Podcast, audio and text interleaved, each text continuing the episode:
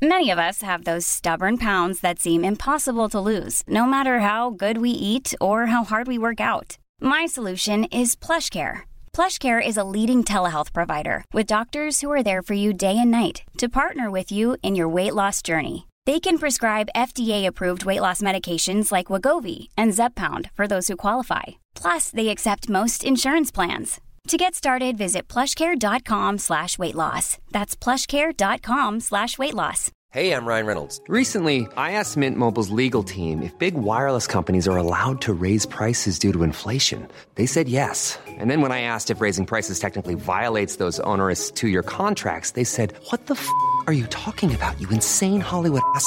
So to recap, we're cutting the price of Mint Unlimited from $30 a month to just $15 a month. Give it a try at mintmobile.com slash switch. $45 upfront for three months plus taxes and fees. Promo rate for new customers for limited time. Unlimited more than 40 gigabytes per month. Slows. Full terms at mintmobile.com.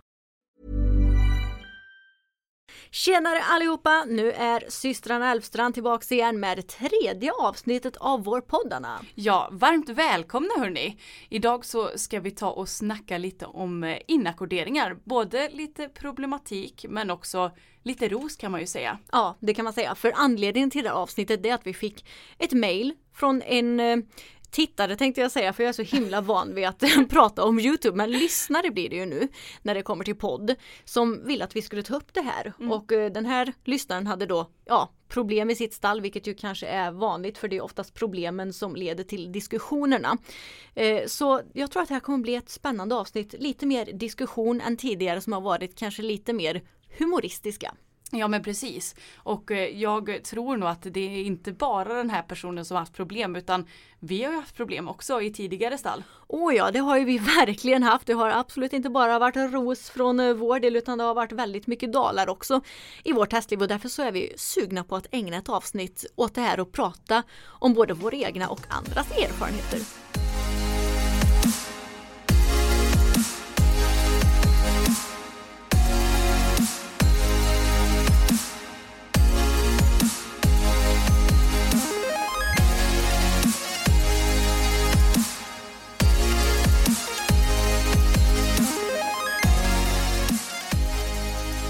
Okej Emma, men innan vi drar igång med dagens ämne.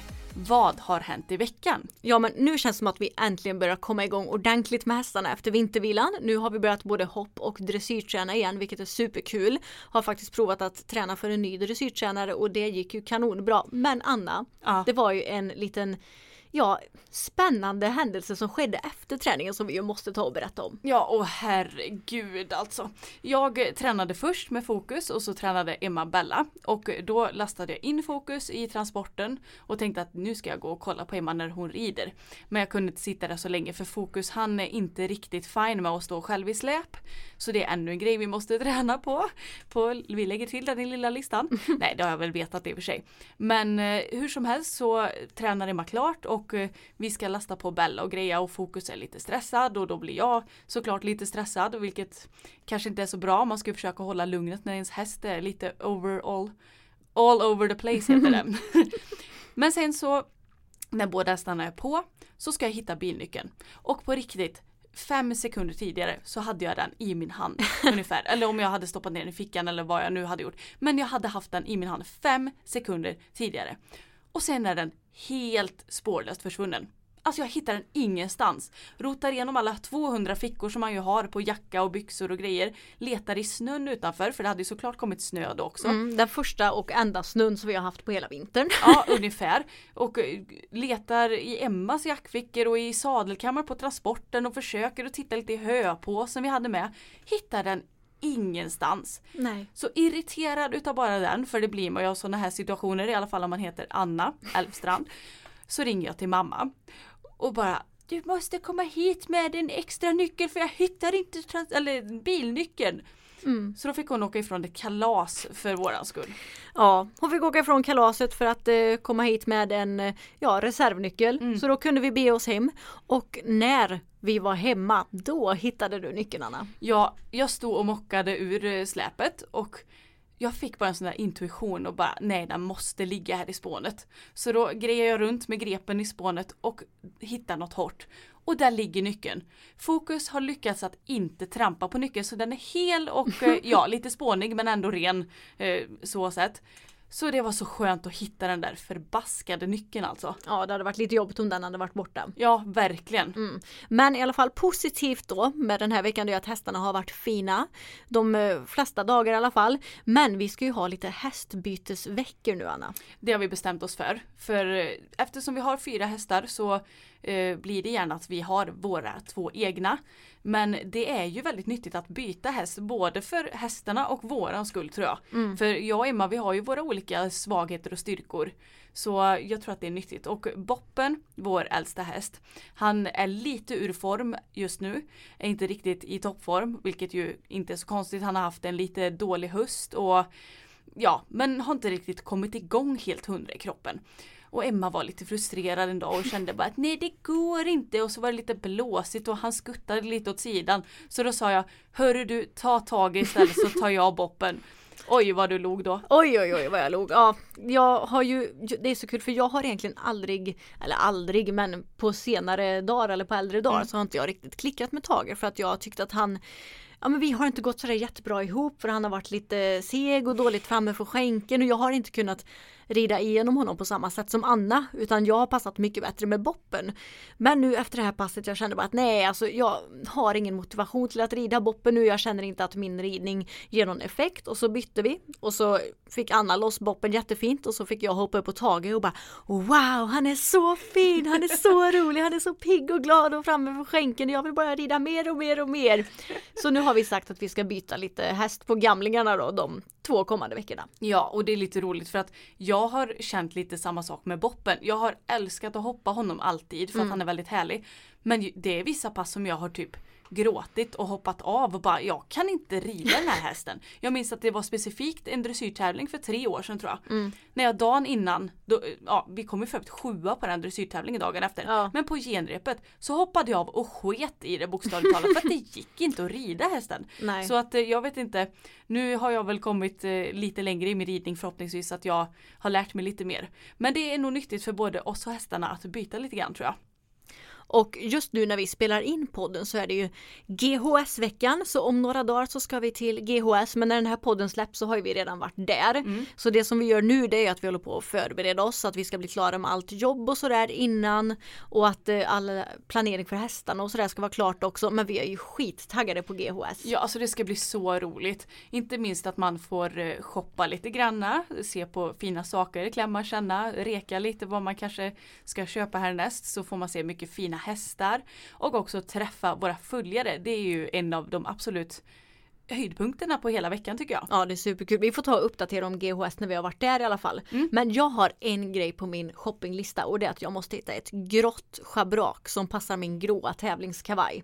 Annars har jag ingenting för nu, jag har blivit sån på äldre dagar att jag, jag, jag shoppar inte så mycket längre utan jag är nöjd med det jag har men ett grått schabrak måste jag ha. Ja men det är väl nyttigt att inte vara en shopaholic. Jag kan Ja. säga att förr i tiden var vi helt galna när det kom till mässorna. Vi hade sparat hela året och sen så gick man loco.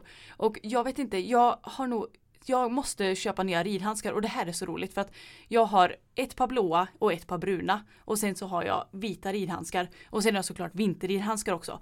Tror ni inte att alla fyra par är dåliga nu på samma gång?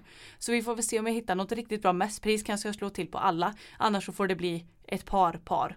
Om inte någon vill ge mig en liten födelsedagspresent förstås. Ja du menar jag till exempel då Ja eller? kanske. Jag har ju redan köpt en present till dig Ja Anna. just det ja. Men mamma och pappa kanske vill köpa lite Ja. handskar i present till mig. De kanske kan vara gulliga och göra det.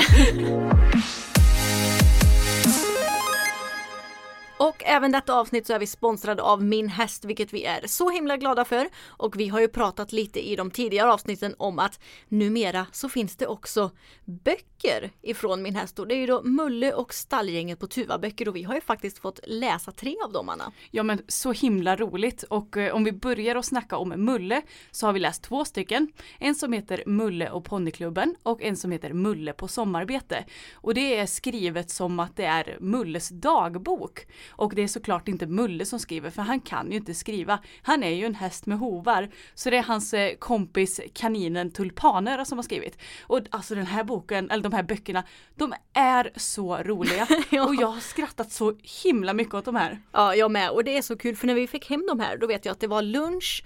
Vi satt och åt och jag satt väl och scrollade i min mobil som vanligt och Anna hade precis börjat läsa Mulle och ponnyklubben som är den första boken av de här två. Och seriöst Anna hon satt nog i ungefär inte ens en minut och sen börjar hon att fnissa högt. Och då tänkte jag oj, jag ser verkligen fram emot att läsa de här böckerna. Ja men alltså det är så charmigt skrivet så att jag kan säga att de här passar liksom oavsett om du är ung och precis har lärt dig att läsa för de är lättlästa eller som vi, vi är ju ändå vuxna kvinnor nu och tycker att de är väldigt roliga att läsa. Ja men alltså Mulle han beskriver ju många grejer inom hästvärlden så otroligt roligt. Sättet han beskriver dressyr på till exempel. Ja. Ja. alltså ni måste bara läsa de här böckerna för de är så sjukt roliga verkligen. Och sen har vi också då Stallgänget på Tuva och den boken heter Du och jag Reisab och om Mulleböckerna är lite mer komediaktiga så skulle jag säga att Stallgänget på Tuva är lite mer drama och spänning. Ja men precis och lite mer fakta också skulle jag säga invävt på ett himla trevligt sätt. Och den här boken är superbra verkligen. Jag älskar ju Stallingen på Tuvas eh, serier men jag tycker inte att man liksom eh, känner att man saknar serien i den här boken utan allt blir vä- ihopvävt på ett väldigt bra sätt och det är beskrivet på ett så bra sätt så att det är nästan så att man läser serien fast du inte har seriefigurerna framför dig. Mm, jag håller med och det är intressanta karaktärer att följa också. Du vill verkligen veta hur det kommer gå för alla och själva boken börjar ju med en väldigt vad ska man säga, med en väldigt stark händelse och Ja. spännande händelse där du inte vet om det kommer sluta bra eller dåligt. Och sen efter det så sker det många andra intressanta och spännande grejer också så vi kan varmt rekommendera ja, men både Mulleböckerna och Stallgänget på Tuvaboken. Och även i det här avsnittet så har vi en kampanjlänk och den har vi länkat ner i beskrivningen. Och då får ni alltså rabatt på åtta stycken nummer av min häst. Och det tycker vi är superbra så passa på nu.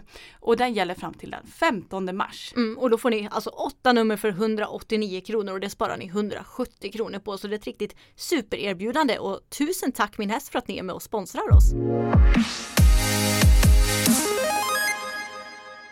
Men ansi pansi, då ska vi ta och köra igång snacket om det som det här avsnittet ju faktiskt ska handla om och det är ju inackorderingsstall.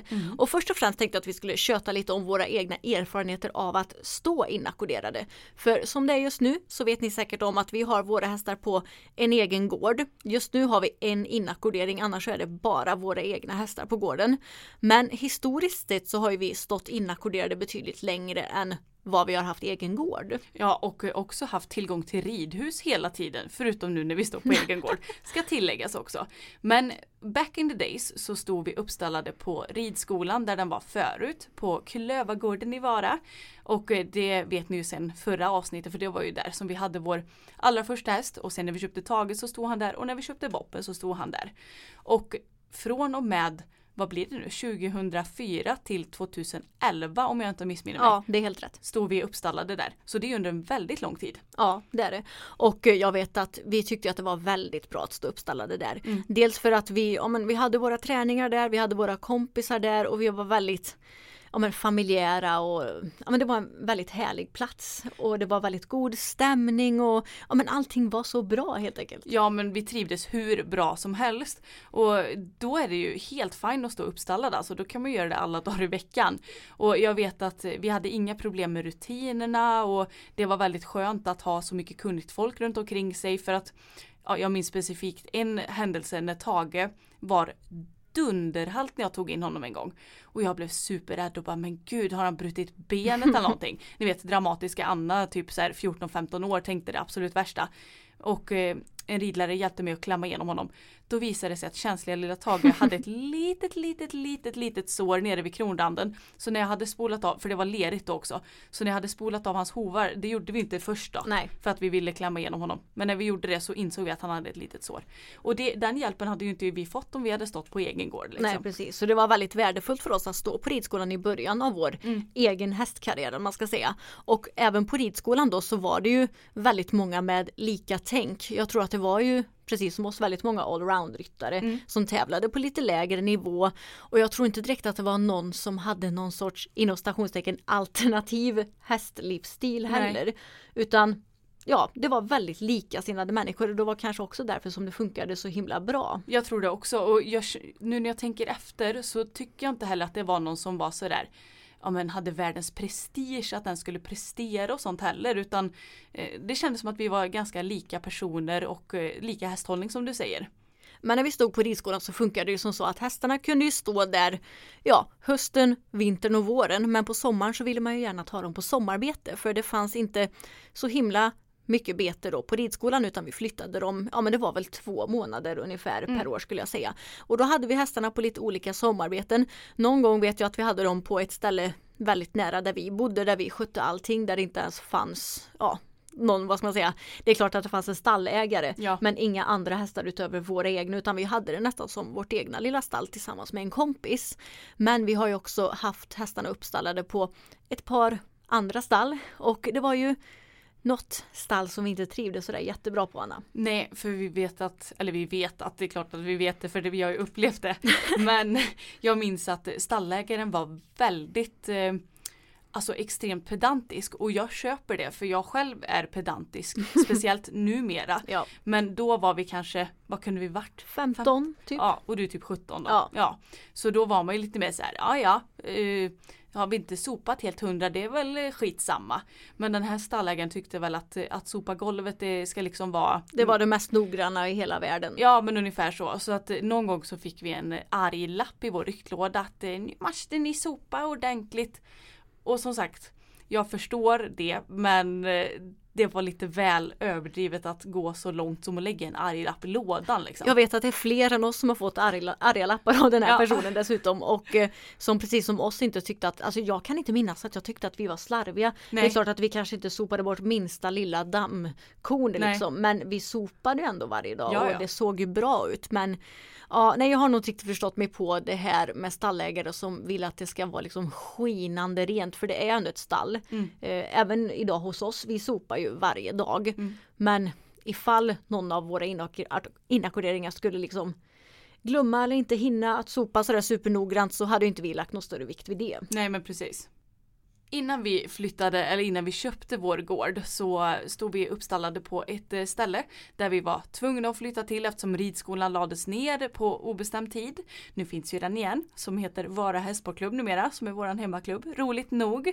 Men vi kämpade ju i vad var det ens, 6-7 år innan det blev Ja. en ny anläggning. Så att det fanns ju ingen möjlighet för oss att stå uppstallade på ridskolan längre. Nej. Och vi letade efter stall ett tag och visste inte riktigt, det är inte så himla lätt nu när vi bor i Vara kommun liksom. Det är inte ett stort ställe höll jag på att säga, ingen stor ort och det finns inte supermånga stall. Och så vill vi ändå ha hyfsat nära där vi bodde. För man blir ju lite kräsen, man vill ju inte åka flera mil. Liksom. Nej, och dessutom så ville vi ju hemskt gärna ha ridhus också för Ja. det hade vi varit bortskämda med ända sedan vi började rida. Nu idag så hade vi absolut inte prioriterat ridhus jämfört med många andra grejer. Men då var vi väl lite bekväma, ville gärna ha ridhus och ridbana och ja men att det skulle vara hyfsat bekvämt och då fanns det egentligen bara ett alternativ för oss att flytta till. Ja, och då flyttade vi dit och eh, fick väl egentligen höra lite redan innan eh, lite sådär ryktesvägar om att det kanske inte var sådär skitbra och håll koll så hästarna kommer ut eh, i, på bra tider på helgerna för det har varit väldigt dåligt eh, sa folk till oss och sådär och vi bara "Ja, men vi är ju egentligen inte så dummande på det viset utan vi vill gärna uppleva saker själv innan vi får en åsikt om saker. Så att eh, vi gick ändå in med gott mod. Ja men det gjorde vi. Men jag vet att alltså, även när vi kom dit och tittade så reagerade vi väl lite på att det var en ganska så rörig anläggning. Jag vill minnas att eh, ridhuset det var dels väldigt litet och sen underlaget var alltså katastrofalt. Det var typ som en sandstrand om jag ska vara ärlig. Det var så himla mjukt, så himla löst och sen vill jag minnas också att det stod massa höbalar i liksom på ena kortsidan av ridhuset. Ja. Dessa flyttades på när vi flyttade dit. Men då tänkte jag, men herregud, ska man få rida i ett typ så här 15 gånger 20 ridhus för att det var så lite, ja, lite plats. Mm, verkligen. Men eh, ja, det blev ju bättre när vi väl flyttade dit sen. Men eh, sen så märkte vi väl ganska så snabbt att eh, vi fick ta mycket ansvar själva. För det var nämligen så att hästarna de kom in extremt tidigt på vinterhalvåret. Och eh, jag vill inte trampa någon på tårna men för mig är det helt eh, oacceptabelt att ta in hästarna vid typ klockan två bara för att det råkar bli mörkt ute. Mm. Det, jag, jag kan inte riktigt förstå varför det ens är ett problem. För hästar är inga djur som är rädda för mörker utan det är snarare vi människor och det går att lösa med lite lampor vare sig det är en pannlampa eller en lyktstolpe. Ja, exakt. Och det som vi gjorde då för att råda bot på det här problemet det var ju att vi tog in våra hästar själva. För som sagt vi tycker det är oacceptabelt att hästarna får gå ute. Ja men säg det var väl max sex timmar då. Absolut Så, max. ja, Som de fick gå ute på eh, vinterhalvåret. Så då sa vi det att vi kan ta in hästarna själva och då fick vi åka ja, en och en halv mil eh, en extra gång då om dagen för att ta in våra hästar på kvällen. Och det ska ju tilläggas att våra hästar är ju dundersnälla verkligen. Så Ja. det är inte så att det skulle vara farligt för stallägaren att ta in dem själva. Men vi gjorde gärna det för att de skulle få vara ute några extra timmar. Men alltså deras hagar, oh my god, de var katastrofala. Ja och nu kan vi ju klaga lite på våra hagar idag när det är geggigt men jag kan säga det att Boppen som är en stor häst med långa ben och han är 182 cm i mankhöjd Han hade lera upp till knäna. Och då kan ni ju tänka er, det måste ju vara en minst 50 cm om inte mer Ja. som är lera liksom. Det var helt galet och plus att hagarna var jättesmå och hästarna gick själva. Det var ju typ inte på tal att de skulle kunna gå tillsammans. Nej. Tag och Boppen eh, gjorde väl det i perioder och då fick de väl gå i den lite större hagen. Mm. Och den är inte stor kan vi ju säga. Nej, men, Men- de kunde ju galoppera i den i alla fall. de kunde ju galoppera i den. Men de, inte som de kan idag med våra hagar på Nej. över en hektar. Liksom. Nej men de små hagarna som de gick i en och en, hur stora kan de ha varit? 20 gånger 20? Ja men typ. Ja, Och då vet jag att det ändå kanske är ganska stora hagar jämfört med vad många har det. Ja, precis. Mm. Ja, vi, har ju, vi har ju ändrat lite på vår syn på hästar och hästhållning på senare år. Ja. Så vi kanske inte reagerade sådär dunder mycket på det när vi flyttade dit. Men vi märkte ju mer och mer under tiden att det här är ju inte någon hästhållning som vi eh, som vi rekommenderar eller som vi tycker är bra för våra hästar. Nej precis. För om vi ska prata lite om hur det var på ridskolan igen så fick ju hästarna ändå komma ut tidigt. Det var väl vid klockan sju eller något på morgonen. Ja. Och sen så vet jag att vi oftast tog in våra hästar själva även på den tiden för att ridskolehästarna kom in lite tidigare och då fick vi nog ta hand om privathästarna själv om inte jag minns helt fel. Men då kom de ju gärna in vid typ sju kanske eller när vi skulle Ja. rida eller sådär så de var ju ute i alla fall 12 timmar. Ja precis och det tyckte vi var mycket bättre och dessutom då i större hagar också. Mm. Så Och- det var ju vad vi var vana vid innan Ja. vi flyttade till det här andra stället. Ja exakt och nu kommer jag på en till grej Anna. Ja. Att vattnet, de fick ju inget vatten ute i hagen på vintern. Nej just det! Nej. För det ansåg stallägaren att hästarna kunde äta snö.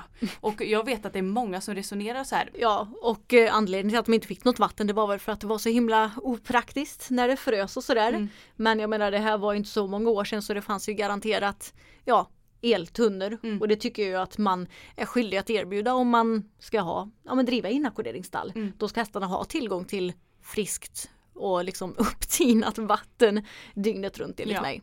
Men den här tiden var ju också väldigt konfliktfylld mellan oss och stallägaren. Och jag vet att när vi flyttade in då skrev vi inget kontrakt. Nej. Så, och det fanns inga regler att förhålla sig till. Vi hade, alltså, vi hade absolut ingen information om hur vi skulle bete oss, vad det var för rutiner på gården och sådär. Nej och jättemärkligt för att jag vet att bland det första vi gjorde det var att plocka undan hindren i ridhuset för att vi skulle rida ett dressyrpass. Och då var det någon annan som sa oj vågade ni flytta på dem? och vi bara vadå? Vi ska rida dressyr. Ja det är nog ingen som har flyttat på dem på hur länge som helst. Då, då kunde de ju haft som regel att man inte flyttar på hindren men det hade inte vi hört talas om. Så då flyttade vi ju på hindren liksom. Ja precis och det märktes också under tiden att stallägaren den hittade liksom på egna regler som vi sen fick skit för för att vi inom stationstecken bröt mot dem trots att vi inte hade någon aning om att det ens fanns några regler redan från början. Men det märktes ju också väldigt tydligt på våra hästar att de mådde väldigt dåligt på den här tiden och det kanske inte var något som vi tänkte sådär jättemycket på just då för som med så mycket annat så blir ju det normaliserat om det sker till vardags. Och det är något som du märker först senare och vi märkte ju först det här när vi flyttade hem hästarna till vår egna gård att oj vad mycket bättre de mår nu och oj vad dåligt de mådde då. Och det märktes ju främst på Boppen. För han föll ur väldigt mycket varje år och speciellt varje vinter då när han stod där. Och det var för att han mådde dåligt så han jag tror att han tappade aptiten för att han åt inte. Nej, vi fick köpa slow feeding nät och hänga upp i boxen så att han inte skulle trampa runt höet utan att det ändå var liksom fräscht. Men eh, det hjälpte föga för att jag menar med de här slow feeding näten fick han ju också i sig mindre hö nästan så att det var en riktigt jobbig period och för att lösa det så vet jag att vi matade på honom med massor med lucern. Men det var jag såklart inte glad i att äta heller för hur kul är det att äta supermycket sån här blöt lucern varje dag. Mm. Det kan ju inte vara så dunderkul. Nej precis och han stod ju också Eftersom han var så stor så fanns det ju typ bara en box som man kunde stå i Och då var det liksom med ja, men galler runt om så han kunde aldrig sticka ut huvudet för att hälsa på någon häst och han blev ju verkligen helt isolerad. Och det märktes att han mådde så himla dåligt av det. Och utöver hans psykiska hälsa så blev han ju också väldigt mycket skadad på det här stället. Det var både hovbölder, stengallor, det var senskador och var det något mer? Nej det var nog det. Ja, Det är alltså- väl ändå tillräckligt. Ja, otroligt många skador. Mm. Alltså jag kan säga att nu när vi har flyttat till gården så har nog skadorna minskat med typ 80% skulle jag gissa på. Är det Emma, är det, pseudo-Emma nu som är det kommer? pseudo-Emma som kommer med lite statistik men om jag tänker rent ur mitt huvud så ja, något sånt där är det. Ja, men på riktigt så har skadorna minskat rejält och eh, om man ska göra en lite snabb jämförelse med förra stallet som vi stod uppstallat på versus vår egen gård. Så de enda skadorna som har skett på vår gård det är klantiga hagskador. Antingen från en hagkompis som träffat fel eller som i Bellas fall så har hon antagligen lyckats gå omkull och därmed fått en skada. Eh, men i förra stallet så vet jag inte vad det har varit för skador. Alltså för att det har bara kommit en massa konstiga skador och de har ju gått själva liksom. Så Ja. att det är inte så att någon hagkompis har orsakat dem. Nej exakt. Så det här är också väldigt bra för vår del för nu märker ju vi otroligt tydligt att lösdrift det är då verkligen inte fler skador utan det har gett betydligt färre skador på våra hästar. Mm, absolut. Ja, men alltså rutinerna på det här stället, vi har ju snackat lite om dem, men det var ju verkligen katastrofalt för ibland så kunde de komma ut vid så här sju på morgonen, en normal tid för hästar att komma ut på. Men ibland kunde vi komma dit vid typ 10-11 på förmiddagen och så stod de fortfarande inne. Mm. Och det gjorde mig måttligt förbannad kan jag säga. För jag menar, alltså det är lite så här, får hästarna komma ut varje dag klockan 11 så är det kanske ingen big deal. Om de kommer in sådär tre på natten. Nej jag skojar. Men det är bara sådär att de kan ju inte komma ut ena dagen vid klockan 6 och andra dagen vid klockan 11. Det blir helt rubbat för dem. För hästar är vanedjur. Och det var det som gjorde oss så himla arga. För att man vill ju gärna ha samma rutiner varje dag. Mm, jag vet och jag vet dessutom om att vi hade sagt att vi kunde hjälpa till på helgen och släppa ut hästarna. Men det var ju tydligen inget som uppskattades utan istället då så ja kom vi dit vid 10 på en lördag förmiddag så kunde hästarna vara inne. Bara för att stallägaren inte ville att vi skulle släppa ut dem antar jag. Men vi snackade ju lite också om det här med konflikter för det skedde ju några konflikter på det här stället och då vet jag att någon gång så vill jag minnas att vi skulle hoppa och då stod det nog hinder i ridhuset. Ja eller i paddocken har jag för mig att det var. I, i paddocken och så hade vi flyttat en bom ifrån paddocken till ridhuset. Just det. Mm, Det var så va? Mm. Och eh, stallägaren blev helt rosenrasande för att vi hade flyttat på en bom då. Och eh, det ska ju tilläggas att det fanns ju fler bommar precis bredvid som man bara hade kunnat ta ut och lägga till ifall det skulle behövas. Åh jävlar vilken utskällning vi fick då. Ja men alltså helt otroligt att det var så himla, sån himla utskällning. Det Ja. var som att vi hade spöat skiten ur en häst eller någonting. Ja. Alltså, det hade varit rimligt. Men Ja. att flytta på en bom, helt orimlig sak att bli så förbannad över. Ja, jag, vet, jag vet att stallägaren kom verkligen marscherandes mot oss och såg skitsur ut. Och så bara, vem har flyttat på den här bommen? Mm. Och jag bara, ja, det har jag gjort. Ja, så då minns jag inte ens vad den här personen svarade om jag ska vara ärlig. men, Men, du, det var, fick ju en, eh, du fick ju en känga. ja, men det var en helt orimlig reaktion. Mm. Och eh, som tur är så är jag en väldigt lugn person av mig. Mm. Eh, och är inte sådär görbekväm i konflikter. Så när jag väl hamnar i någon så reagerar jag med att bara vara superlugn Ja, och inte reagera så mycket. Så jag fick ju sköta de här konflikterna för Anna du är ju lite mer känslomänniska än mig. jag är en extrem känslomänniska och eh, är det någon som upprör mig, alltså pff, jag försöker oftast att behålla lugnet för att jag vet att det inte hjälper om man gapar. Men det kokar, alltså mitt blod kokar om det är något sånt här. Eh, har blivit bättre på det på äldre dagar men jag vet att jag har varit väldigt jobbig som yngre. Och så börjar du gärna gråta också när du blir arg. Japp, det kokar liksom över så då kommer det ut i tårar istället. Ja precis och det är inte sådär jättebra kanske om man vill föra en vettig diskussion. Nej. Så jag fick ju göra det då med stallägaren men alltså den här tiden var så jobbig för oss för vi hade så mycket ångest. Det var inte ens kul att åka till stallet. Nej, vi kan säga att vi gjorde det enbart för att vi älskar hästar och för att vi ville ta hand om våra djur. Hade det varit för något annat så hade vi slutat alltså med Ja. hästar. Det hade vi verkligen gjort. Mm. Men som tur var så kunde vi flytta hem till vår gård så småningom. Ja, och eh, en liten fun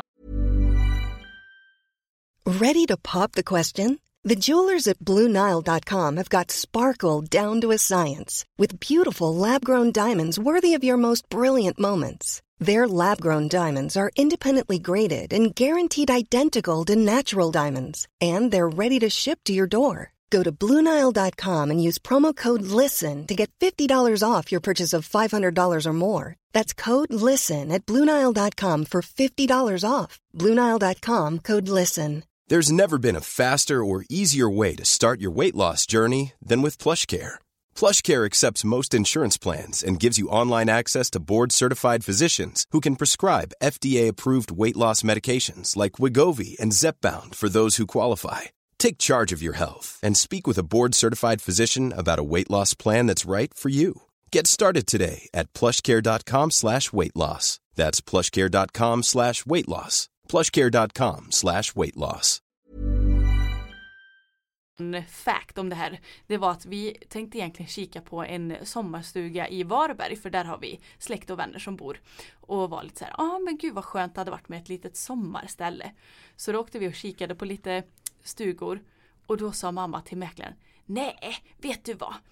Så här mycket kostar en gård hemma. Jag köper nog med en sån istället. så det var på den vägen det var Ja, faktiskt att och- vi köpte gård. Och tur var det för då Mm. kunde vi flytta dit. Hur länge stod vi på det här inackorderingsstallet?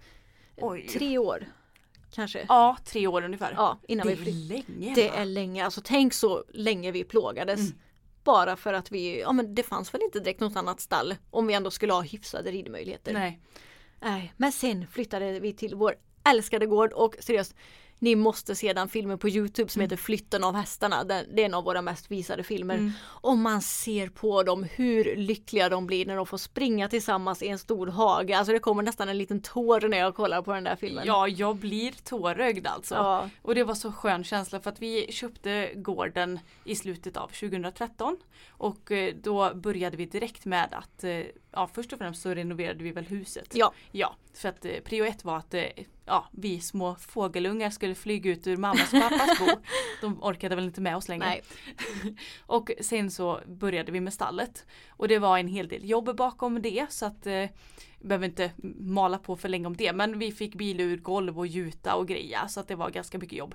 Men till slut så blev det färdigt så att vi åtminstone kunde flytta hästarna. Paddocken och sånt var inte färdiga vet jag så vi fick rida i hagen. Men när vi åkte och hämtade hästarna, alla våra grejer, sa hej då liksom till den gården och åkte till våran gård och släppte ut hästarna och de galopperar, de rullar sig, de äter gräs, de springer tillsammans. Ah, den känslan. Ja, den kommer vara otroligt svårslagen i livet tror jag. Mm. Men när vi hade kommit i ordning med allting och vi hade fått ordning på paddocken till och med tror jag. Ja. Och eh, kommit in lite i det att ha egen gård så började vi också ta in inackorderingar. Och i början så tog vi in någon enstaka kompis, eller hur var det? Ja men jag tror det. Jag tror Ja. det dröjde lite grann innan vi fick in flera stycken i stallet. Ja. Eh, nu har ju vi en ganska så liten gård men det har alla varit som mest åtta hästar på den. Ja. Och då typ fem inackorderade om Ja, jag vill minnas rätt. Och vi har ju faktiskt haft väldigt tur känns det som med våra inackorderade Ja. jämfört med vad man kan höra från andra personer som också driver inackorderingsstall. För det har sällan skett några större konflikter. Vi har haft ja, men, bra människor som har stått hos oss som har varit ansvarstagande och Mm. tagit hand om både sina hästar men ändå haft respekt för anläggningen och de reglerna som funnits och ja, men, hjälpt till med det som behöver hjälpas till med. Det, det har faktiskt funkat väldigt bra får jag säga. Det har det absolut gjort och jag tror att anledningen till det är för att vi har haft majoriteten bekanta och kompisar som stått i vårt stall. Mm. Och det är många som säger att ha inte kompisar i ert inackorderingsstall eller sådär men för oss har det funkat allra bäst. Ja. Så att eh, jag skulle säga att gå på person till person snarare än att eh, utesluta det ena eller andra faktiskt. Ja, jag håller med. Alltså, den enda personen som det inte har funkat med var ju någon som vi inte hade någon koll på alls sen tidigare i Nej. princip. Alla som vi har känt till sen tidigare har det funkat hur bra som helst med. Mm. Det enda problemet inom stationstecken med dem, det har ju varit att någon av dem kanske hade en häst som inte funkade så bra i flocken. Mm. Som ledde till lite skador och sådär. Men det, det kan ju inte personen i fråga hjälpa. Nej men precis, det är ju faktiskt inte dens fel. Men eh, vi kan ju ta och snacka lite om den här personen som det inte riktigt funkade så bra med. Den här personen stod uppstallad hos oss och hade lösdriftsplats. Och eh, från början så hade vi inte direkt skrivit ut några regler, hade vi ju gjort misstaget att att glömma. Man lär sig av sina misstag hörni. Och eh, den här personen kom kanske två gånger i månaden till sin häst, max. Ja, jag vet att jag blev betalad för att jag skulle borsta Mm. den här hästen. Annars så gick den bara i lösdriften och det var liksom ingen som brydde sig om den. Och för mig och Anna så är det helt orimligt att du har en häst men du skiter i den. Ja men verkligen. Alltså jag förstår att man vill ha lite hästledigt då och då. Jag tycker det är jätteskönt de enstaka dagarna som jag inom citationstecken slipper stallet. Fast jag kan erkänna också att jag blir väldigt rastlös. Så att jag saknar hästarna redan samma dag. Ja. Men eh, det var så himla konstigt och speciellt för mig och Emma som ändå alltid har brunnit för hästarna och alltid brytt oss om våra hästar extremt mycket så var det så skilt från hur vi ser på det. Så det blev så himla konstigt bara. Ja, verkligen. Men det är också som sagt den enda personen som vi har haft något problem med och som det då blev kanske någon liten konflikt med också. Men i övrigt har alla som har stått hos oss verkligen brytt sig om sina hästar. Men som ett litet roligt avslut på den här berättelsen så kan vi säga som så att på vintern eller på vinterhalvåret så går lösdriftshästarna i en hage och boxhästarna i en hage. Men på sommaren så gör vi som så att alla får gå i samma hage och liksom dela på hela vår gårds stora hagområde och även då delar på båda lösdrifterna. Och då sa vi som så att okej men allihopa, jag tror att vi var sju hästar då. Eh, Så då blev det ju en dag i veckan per person skulle vi mocka lösdrifterna för att de skulle vara fräscha och sådär. Men det blev ju då för mycket för den här personen. För det gick ju inte att komma till stallet en gång i veckan och mocka. Nej, nej, nej. Men alltså helt otroligt. Så det blev tydligen för mycket för hen. Så hen tog sitt pick och pack och drog dagen efter. för att hen inte ville mocka en dag i veckan och komma och hälsa på sin häst. Ja, då ska man ju inte ha häst kan man ju lugnt säga. Nej.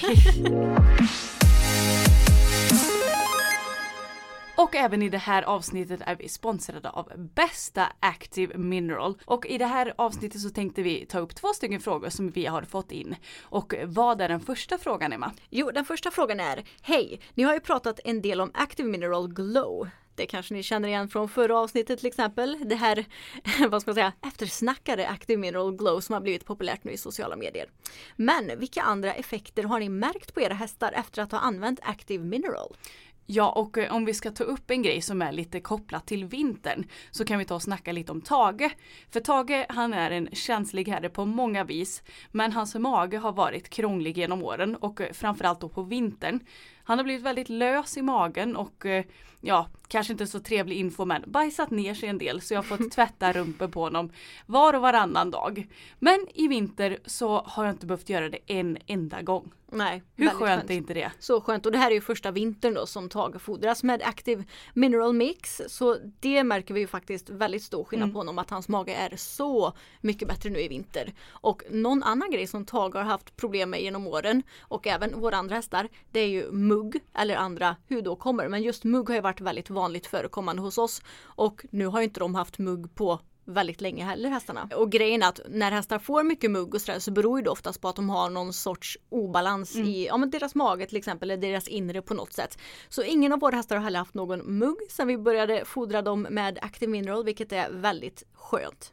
Men Emma, du snackade ju i första avsnittet om Bella att hon återhämtar sig mycket snabbare nu också. Mm, precis, ja. Och det som jag sa i första avsnittet det var ju det att Bella hon var ju fem år när hon började fodras med Active Mineral Mix. Och jag märkte faktiskt i ärlighetens namn, ja men efter kanske någon månad när jag hade fodrat henne med det, att hennes återhämtning blev bättre för då hade hon ganska dålig kondition och styrka för hon hade bara varit riden i, ja, något ett, ett och ett halvt år när vi köpte henne. Mm. Och eh, då var hon ju av förklarliga skäl inte så stark och inte hade så bra kondition och därför så kände jag också att hade jag ridit ett hårt pass så tog det ganska lång tid innan hon återhämtade sig efter det.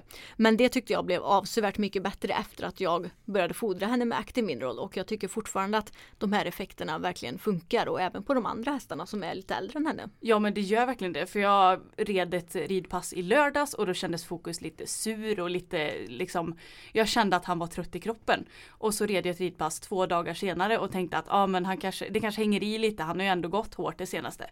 Men då var den där känslan som bortblåst. Och då kunde jag rida på lite igen liksom. Så att det tycker jag är himla bra. Och sen så är deras uthållighet mycket bättre också. Mm. Så att det hänger väl ihop lite grann. Ja men det gör väl det och sen så som sagt också Active Mineral Glow som vi ju har pratat om. Att hästarna blir så otroligt glansiga och fina i pälsen. Och det här går ju också lite ihop med att de får bättre hovar hästarna har faktiskt väldigt bra hovar nu. Mm. Tage och Boppen är väl de som har haft sämst hovar mm. generellt mm. genom åren men alltså Bellas och Fokus hovar är så bra och även Tage och Boppens hovar har blivit mycket bättre det senaste. Och fråga nummer två är hur skulle ni rekommendera att man doserar Active Mineral Mix? Ja, och när vi doserar Active Minerals produkter så doserar vi dem som ja, men Active Mineral själva rekommenderar. När vi använder oss av mineralmixen så doserar vi ett och ett halvt mått. När vi använder oss av natriumaskrobatet ett mått och när vi använder oss av magnesiumet ungefär ett halvt mått. Men det här är ju bara rekommendationer och ifall du till exempel vill fodra mer så är det inget farligt för det är ju organiska mineraler och därför är det inte farligt för hästarna att fodra på lite mer än vad som står. Men vi har inte tyckt att det varit nödvändigt Anna. Nej men vi har inte det utan vi har känt att ja men det känns väldigt bra som det är just nu.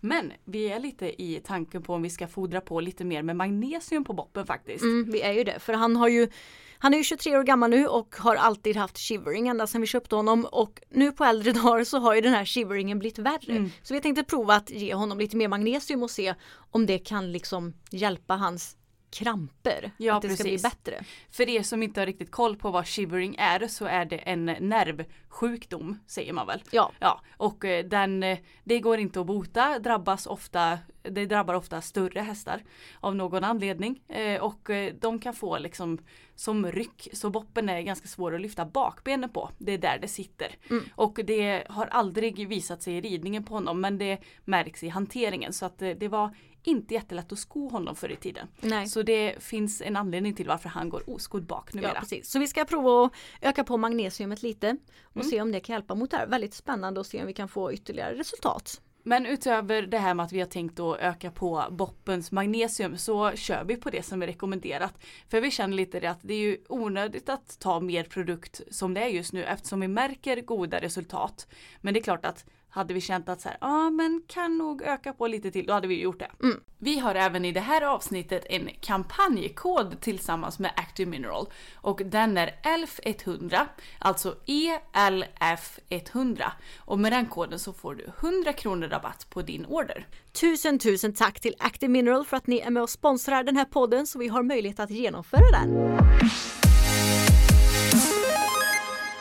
Nu har vi ju haft eh, inackorderingar och eh, haft det ett tag så att vi har ju lärt oss lite grann på vägen. Ja. Så vi tänkte dra upp vad vi har lärt oss av att ha inackorderingsstall. Ja, alltså ni kanske redan har fått lite hum om vilka misstag vi har gjort. Så det som vi har lärt oss är att vi redan från början ska vara tydlig med alla regler. Ja, alltså jag skulle säga att det är prio ett. För har du en regellista på saker som ska göras, då blir det liksom inga konstigheter heller. Nej och att du dessutom har ett kontrakt där du får med alla regler redan från början. Ja. För då kan ingen säga att nej men det vill inte jag göra. Nej men nu står det i kontraktet att du ska göra det. Och sen ifall du ändrar på regler så kan det vara toppen också att ha stallmöten och då också kanske till och med skriva nya kontrakt. Mm. Så att du verkligen har det. För ja, är det något vi har lärt oss så är det att det går liksom inte att lita på folk för att alla tycker inte samma som oss. Det vi tycker är självklart. Vi till exempel tycker det är självklart att om du köper en lösdriftplats så hjälper du till att också mocka. Mm. Precis som att om du köper en boxplats så förväntar du dig inte att någon annan ska mocka din box.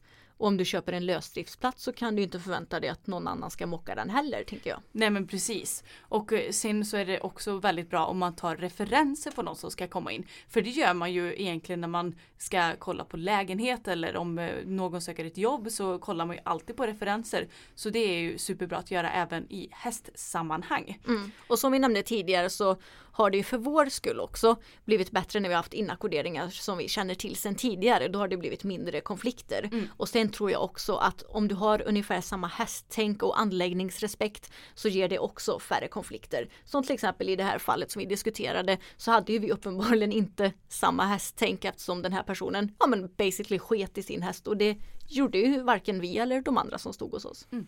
Okej Anna, men varför tror du att det sker så mycket konflikter i stall då? Alltså det finns nog många anledningar bakom. Men jag skulle säga att en stor del av det hela tror jag beror på konservatism. Och nu tänker ni, vadå konservatism?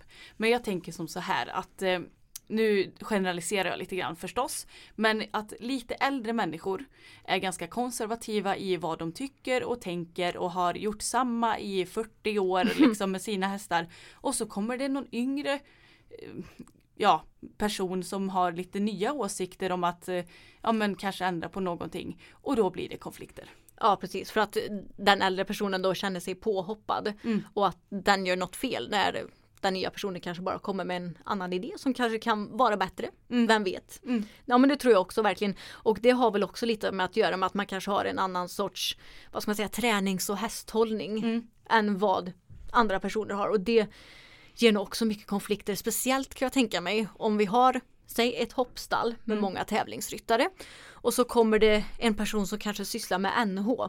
Ja. Då är det nog väldigt lätt att den personen kanske blir utfrusen eller att det sker konflikter mellan de andra och den här personen just för att man inte riktigt har samma häst och träningstänk. Nej och jag ska säga att det är ju inte enkelt att förstå sig på den andra grenen eller vad man ska säga för att jag har ingen koll på västern till exempel. Jag har dålig koll på islandshästridning och sånt här. Men för min del så är det så svårt att förstå hur man kan döma en person bara för att den inte gör som en själv gör och har samma hästar eller vad man nu ska säga, samma hästraser och sånt som en själv. Men eh, det, man får komma ihåg också att det finns alltid folk.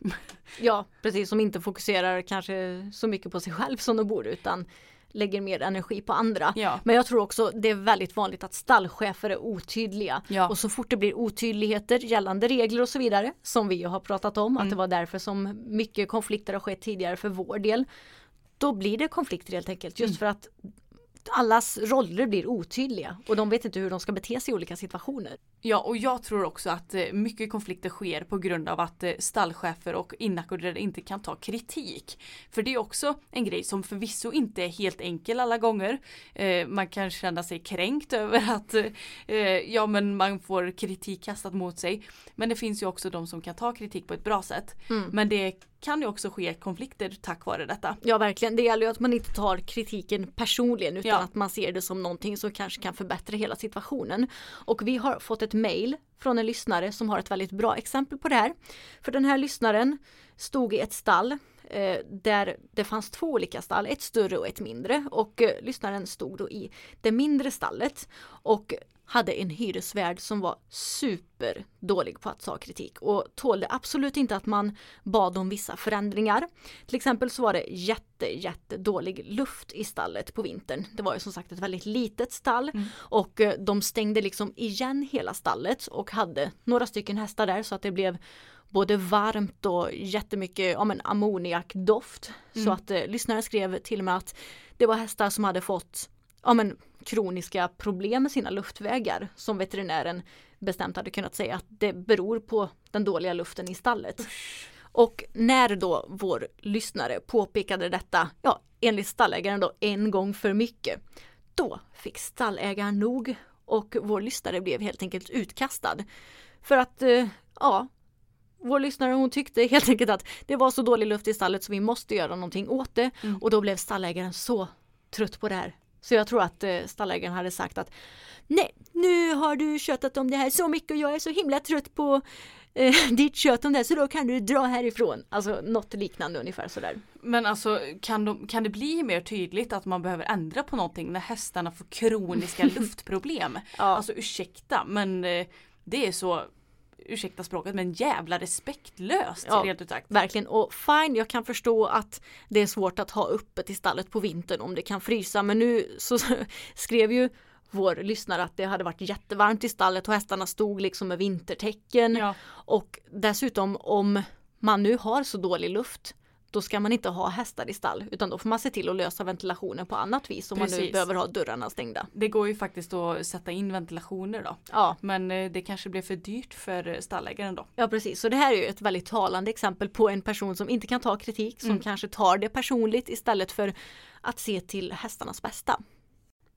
Och med det här sagt så nu har det ju blivit en hel del ris och eh, vad ska man säga klagomål på inackorderingsstall och sånt. Ja. Man ska inte glömma att det finns superbra inackorderingsstall och som verkligen gör allt för sina hyresvärdar som har toppenbra ventilation och bra mm, sammanhållning i gruppen och som verkligen sliter för att alltså det är slitigt att ha ett eget stall. Det kan ju vi skriva under på som har en egen gård. Ja verkligen. Och eh, vi vill verkligen att ni ska veta att det är uppskattat. Vi, Ja. Det finns inte bara rötägg där ute. Nej och verkligen inte. Det finns så bra och dessutom fördelen med inackorderingsstall det är ju också att man kan hjälpa varandra. För Ja. står du med dina hästar på en egen gård och till exempel ska resa bort så blir det ju betydligt svårare än om du hade haft din häst inackorderad Mm. i ett stall där du litar på människorna. Kanske till och med så finns det någon som kan hjälpa dig att rida din häst.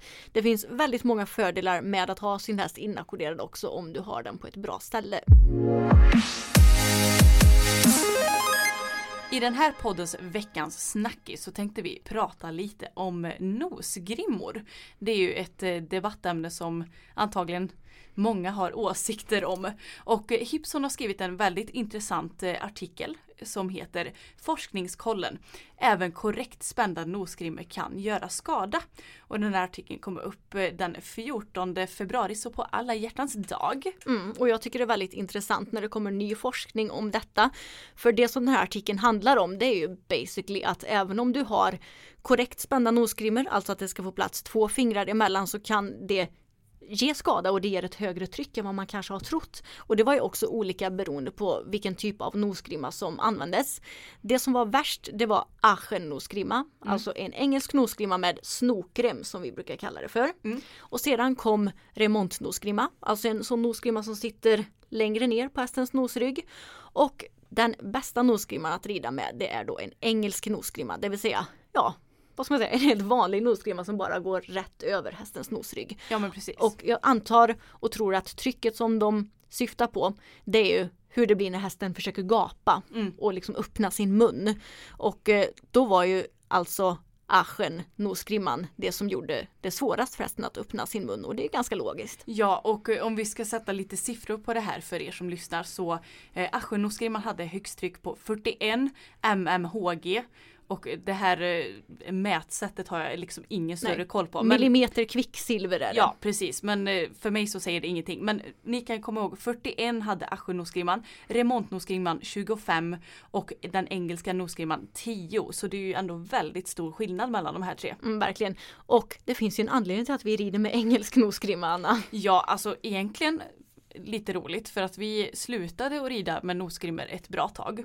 Där vi totalt struntade i det och tog bara på, på tävling. Men jag insåg att våra nosgrimmor blev väldigt ledsna av att ligga i en låda bortglömda. För, så de blev så himla fula och torra och mögliga och allt vad det var.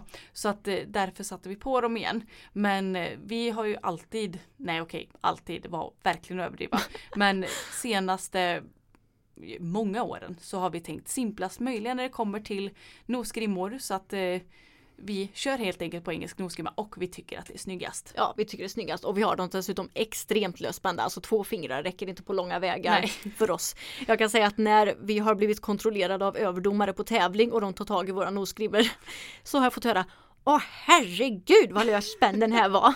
Så ni kan ju fatta då ungefär hur löst spända våra är. Men det är också för att vi har alltid tänkt logiskt gällande detta. Att det är klart som tusan att en häst inte kan gapa och gäspa och liksom andas ordentligt ens om den har remmar som stänger igen munnen på dem. Och det blir ju som ett sorts tvång om du rider med en aschen nosgrimma till exempel och vi måste ju ta upp det här med fokus för han är ju en sån häst som har ute, han lägger ut sin tunga åt ena hållet och jag vet att vi har fått många kommentarer genom åren tänkte jag säga, vi har bara haft honom i två år. Ja. Där folk frågar, men varför rider ni inte med snokrem? Ja, och för min del så blir ju det bara att försöka dölja Alltså jag skulle inte ens kalla det här med tungan ett problem egentligen för att problemet har varit att han inte tagit ett bra stöd på bettet. Att han håller på med sin tunga har enligt vår tandläkare att göra med att han inser att det inte får plats med både bett och tunga i munnen samtidigt. Men eh, jag vet inte, jag, jag förstår bara inte riktigt vitsen med att försöka stänga igen hans mun och försöka få igen tungan. Det var dessutom någon som sa att jag borde rida med tungband. Ja herregud, alltså att man fäster fast tungan så att de inte kan röra den överhuvudtaget. Ja. Va? Nej, vi är inte så mycket för det här med att tvinga hästarna till grejer eller att använda utrustning som innebär tvång. Nej. Som till exempel då ja, nosgrimmor som stänger igen munnen, hjälptyglar och så vidare utan vi gillar ju verkligen basic utrustning Mm. och tror också att det är det som hästarna mår absolut bäst av. Så ja, vad ska man säga? Vårt bästa tips är att ha en löst spänd nosgrimma och gärna då också engelsk nosgrimma för även om du har en löst spänd aschen nosgrimma Mm. så visar ju uppenbarligen den här nya forskningen på att det blir ett högre tryck än om du hade haft en löst spänd engelsk nosgrimma och hästarna får svårare att eh, ja, men gapa om de behöver göra det, gäspa om de behöver göra det, alltså bara allmänt röra på sin mun, vilket ju de behöver göra för de är ju djur. Ja, precis. Och jag kan tycka lite så här att har vi inte kommit längre med att det kanske går att göra nosgrimmorna ännu bättre för hästarna. Hade inte det varit svinbra om de hade kunnat haft som någon resårgrej under käken som elastiserar sig om det skulle ta emot. Eller hur? Det hade jag tyckt varit toppenbra för jag menar det som vi har, eh, ett par skärp som vi har som är lite elastiska. Och det är ju superbra för du kan andas ordentligt. Det är inte så att det tar stopp om du skulle bli väldigt mätt och magen svullnar upp lite. Nej. Nu, nu är inte det samma sak som en hästs mun naturligtvis. Men jag tänker bara att kan vi inte försöka hitta en lösning på det hela? Mm, så får hästarna bli ännu mer bekväma. Mm, smart du är Anna. Ja jag vet. Väldigt Kanske smart. borde ta patent på det här Ja. illa kvickt. Det borde du göra. Men också en intressant grej som stod i artikeln det var att de hade gjort någon undersökning i Holland och eh, då var det 100 hästar som hade blivit utvalda och det var bara 59 av dem som hade haft nosgrimmorna korrekt spända enligt reglementet, det vill säga två fingrar ska få plats. Det var två hästar som inte hade haft något mellanrum överhuvudtaget. Alltså ni kan ju bara försöka förstå hur fruktansvärt hårt de här nosgrimmorna sitter. Ja. Och sen de resterande hästarna hade ju då haft däremellan och alltså det är helt oacceptabelt. Ja men snälla någon.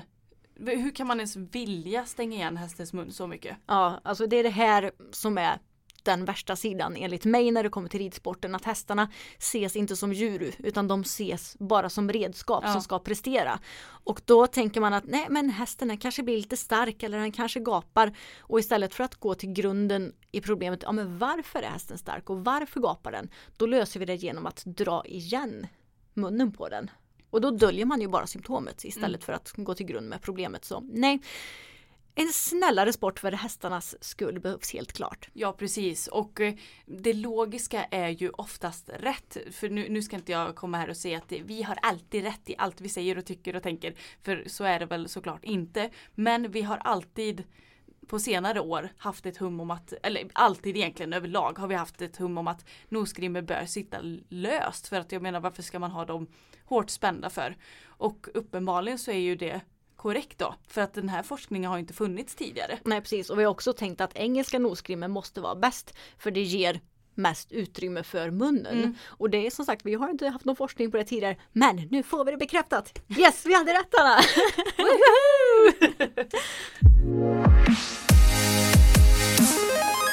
Ja, men det var väl egentligen allt för det här eh, ämnet och eh, jag hoppas att ni tycker att det har varit intressant att lyssna på. Men till nästa poddavsnitt så har vi tänkt att vi ska snacka lite pinsamheter och självklart ska jag och Emma dela med oss av de erfarenheter vi har. Men tråkigt nog så skäms ju inte vi så himla ofta. Nej, vi gör inte det så vi har kanske inte sådär dundermånga pinsamma erfarenheter just från hästvärlden för det kommer ju vara då pinsamheter inom hästvärlden. Så ni lyssnare, ni får jättegärna mejla oss på elfstrands.hotmail.com ifall ni har någon riktigt rolig historia att dela med er av ifrån hästvärlden för vi tycker att det är så kul att prata prata om och eh, vi vet också att många tycker det är roligt att höra på. Ja men verkligen och kom gärna med långa som korta historier. För då tänker vi att vi ska ta upp det här i nästa poddavsnitt som sagt. Men tack så jättemycket hörni för att ni har lyssnat på det här poddavsnittet. Ni får inte glömma att spana in Active Mineral på Instagram. På våra Instagram som heter Emma Elfstrand, Anna Elfstrand och systrarna Elfstrand. Vi har också en blogg som heter www.elfstrands.se och också en Youtube-kanal som heter systrarna Elfstrand. Ja, ni hör ju, man kan ju följa oss på väldigt många olika ställen och all information som vi har snackat om i det här avsnittet finner ni i beskrivningen till podden. Även då vår kampanjlänk med min häst och även länkar till sociala medier och så vidare. Vi hörs igen i nästa poddavsnitt hörni. Det gör vi. Hej då!